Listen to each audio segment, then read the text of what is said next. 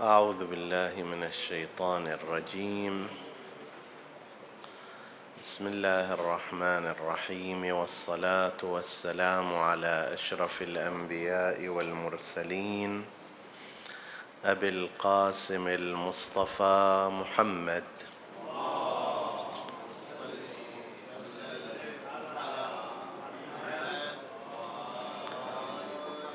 وعلى آل بيته الطيبين الطاهرين المعصومين المكرمين.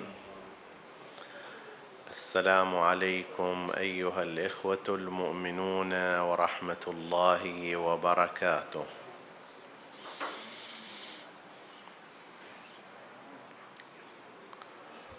حديثنا في هذا اليوم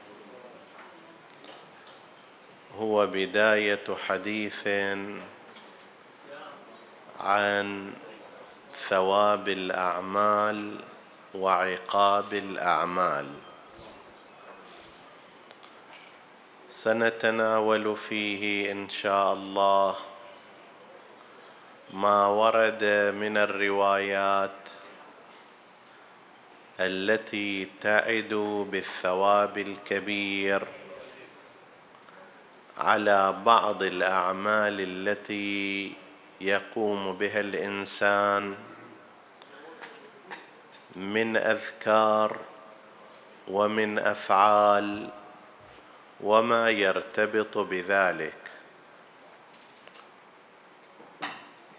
وفي المقابل أيضا ما يرتبط بعقاب بعض الأعمال والتصرفات والأقوال أيضا مما يندرج تحت عنوان عقاب الأعمال.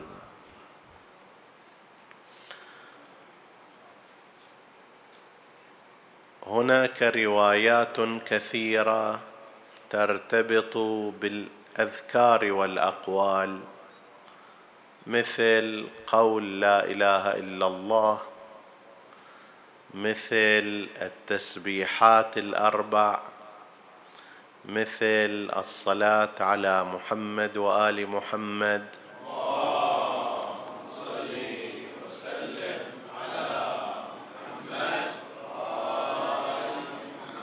مثل بعض السور القرآنية.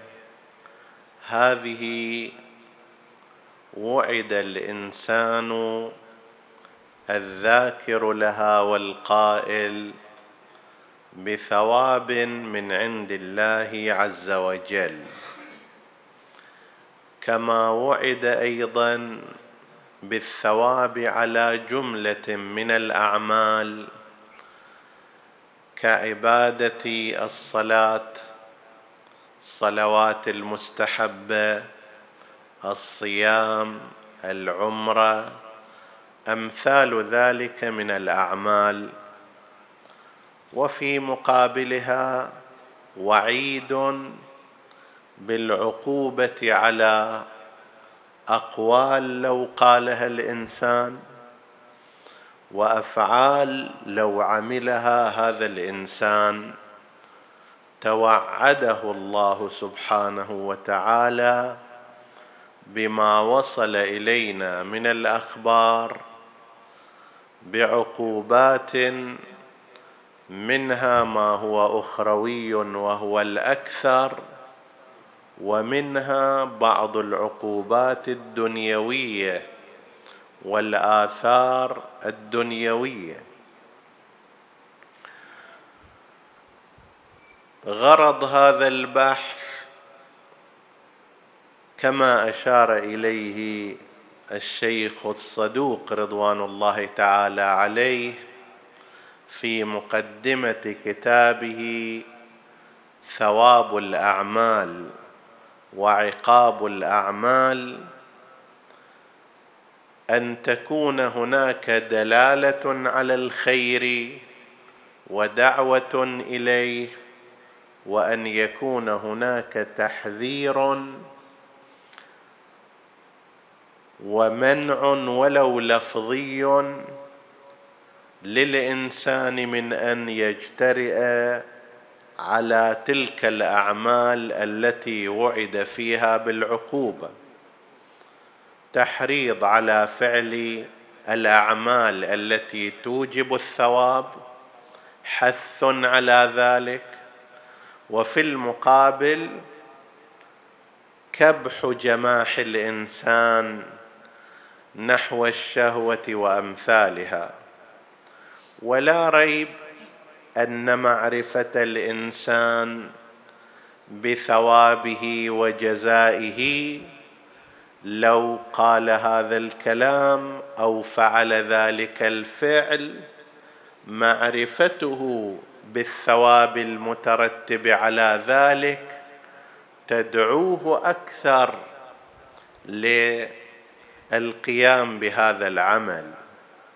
نحن نجد من أنفسنا عندما يقال لنا مثلا من قال لا إله إلا الله فله من الثواب كذا وكذا.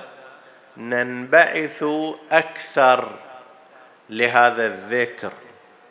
نتحرك أكثر لهذا الذكر. وهذه طبيعة الإنسان يحب أن يعرف جزاء عمله.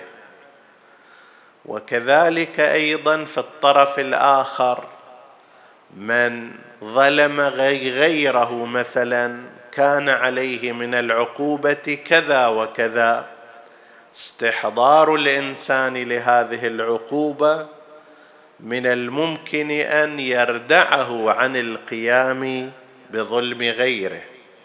فهذه من فوائد أن يتحدث عن هذا الموضوع من أشهر الكتب التي ألفت في هذا الباب وسوف نعتمد عليها كتاب المرحوم الشيخ محمد بن علي بن الحسين بن بابويه القمي المعروف بالشيخ الصدوق. وهو متوفى سنة 381 هجرية. يعني بعد فترة الغيبة الصغرى للإمام الحجة عجل الله تعالى فرجه الشريف بمقدار يصل إلى قريب من خمسين سنة تقريبا. هذه وفاته وأما ميلاده فقد كان في زمان الغيبة الصغرى حيث قيل إنه ولد سنة ثلاثمائة وخمسة للهجرة. فيكون قد أدرك زمان الغيبة الصغرى للإمام الحجة عجل الله تعالى فرجه الشريف. بل عندنا فيما ورد من الكتب الرجالية أنه ولد بدعاء الإمام الحجة عجل الله فرجه الشريف. وذلك أن والده قد أبطأ عليه الولد.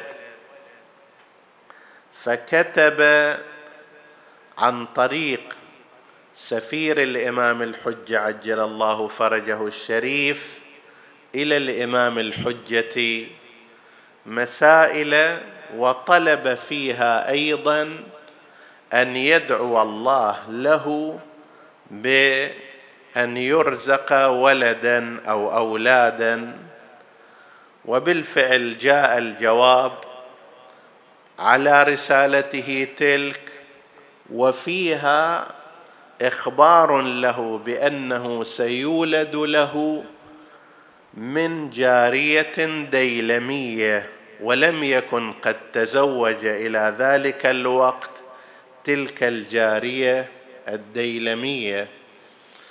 فبعد مدة من الزمان تزوج جارية من الديلم وكتب له منها الولد وكان منهم هذا الرجل الشيخ الذي عرف فيما بعد بالشيخ الصدوق رضوان الله تعالى عليه وكان كما نقل إذا رأى أستاذه منه هذا الحفظ العظيم للأحاديث كان يقول لا غرابة لأنك ولدت بدعوة صاحب الأمر قائم آل محمد.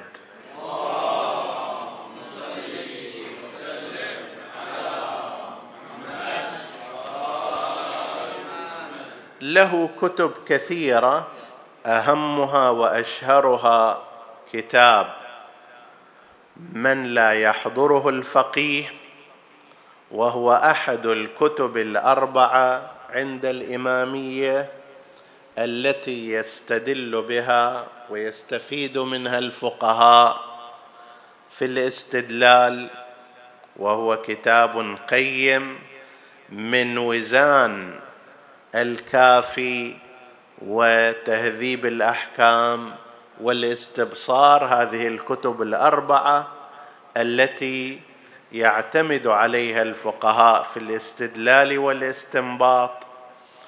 وعنده كتب كثيرة أخرى ثلاثمائة كتاب ورسالة كتب رضوان الله عليه. منها كتاب عيون أخبار الرضا وهو كتاب مهم فيما يرتبط بشؤون الإمام الثامن عليه السلام.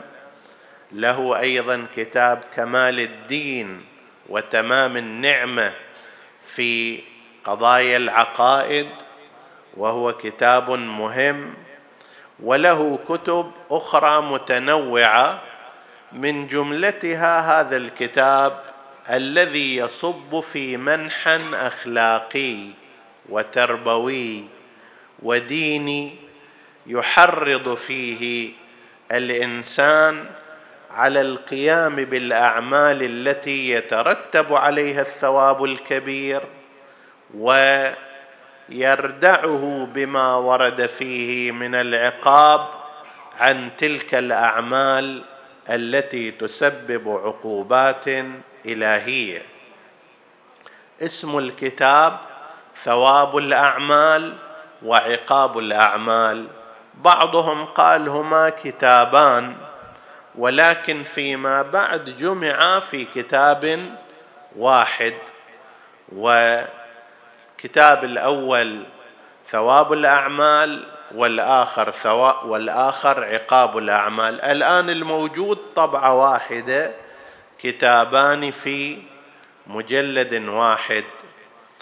وكانت عناية علمائنا به عناية مهمة فقد نقل عنه كثيرا المحدث الحر العاملي رضوان الله تعالى عليه صاحب كتاب وسائل الشيعة ونقل عنه أيضا العلامة المجلسي صاحب البحار بل تقريبا من تأخر عن الشيخ الصدوق. بعد هذا التأليف في هذا الباب أغلبهم نقلوا عن الشيخ الصدوق باعتبار قربه إلى زمان هذه الروايات.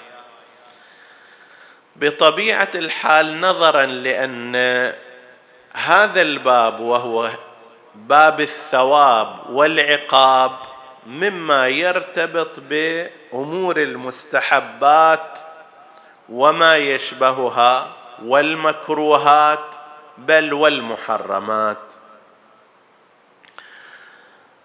لذلك عادة العلماء لا ينظرون إلى الأسانيد. مثلا افترض في كتاب ثواب الأعمال سواء كان السند سندا عاليا وصحيحا أو لا يقولون لك ما المانع من أن الإنسان يقدم على عمل محتمل المنفعة ومضمون عدم الثواب. الآن عندما يقول إنسان مثلا لا إله إلا الله في الحديث الوارد في مثلا ثواب الأعمال لا إله إلا الله ثمن الجنة. أو كما أن الله لا يعدله شيء كذلك لا إله إلا الله لا يعدلها شيء. وإذا قالها ابن آدم صعدت في السماء فلا تمر بشيء إلا طمسته إلى أن تصل إلى الحسنات فتستقر عندها. وأمثال ذلك من هذه الروايات. يقول العلماء هذا العمل عمل محتمل المنفعة حتى لو فرضنا أنه لم يكن هناك سند تام له احتمال المنفعة موجود أو لا؟ طبعا احتمال المنفعة موجود وقائم. أكيد ما فيه ضرر. لا نحتمل أن انسانا إذا قال لا إله إلا الله سوف يعاقب سوف يخسر درجات. والعقلاء عندما يرون شيئا محتمل المنفعة بل مظنون المنفعة. وفي الطرف الآخر لا يوجد أي احتمال للمضرة وللعقوبة يقدمون عليه. سواء كان موجود اليه السند أو لم يكن السند موجودا. هذا واحد من الأمور. لذلك يعملون بمثل هذه الأحاديث والروايات لأن ما فيها هو أمر مظنون المنفعة والفائدة ومقطوع بعدم مضرته والعقلاء يقدمون على القيام بمثل هذه الأعمال. ومن جهة أخرى عندنا روايات أخرى عن نبينا المصطفى محمد.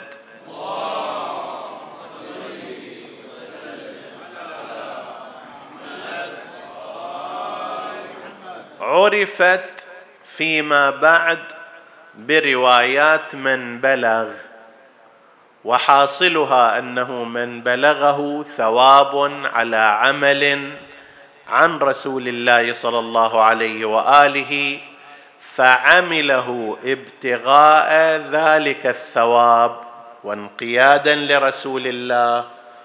أوتي هذا الثواب وإن لم يكن هذا الحديث قد قاله رسول الله.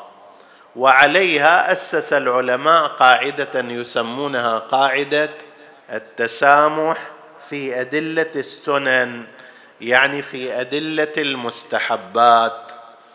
ومعناها أننا لا ندقق في أسانيد الأمور المستحبة كما ندقق مثلا في الفقه وهذا موجود عندنا وعند أتباع مدرسة الخلفاء. أيضا أولئك عندهم كما نقلوا عن أحمد بن حنبل إمام المذهب الحنبلي أنه إذا كانت الأحكام شددنا في الأسانيد وإذا كانت الفضائل يسرنا وهونا. إذا مسائل فضائل مستحبات ما شابه ذلك لا ندقق لكن إذا أحكام شرعية إلزامية نحن ندقق في الأسانيد.